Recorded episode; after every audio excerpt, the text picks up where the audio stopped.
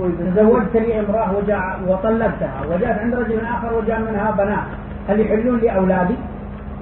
وين يحل الاولاد إذا كان ما بينهم رضاعة ثم أنت لا. بنات زوجك لا. لكن يحل الاولاد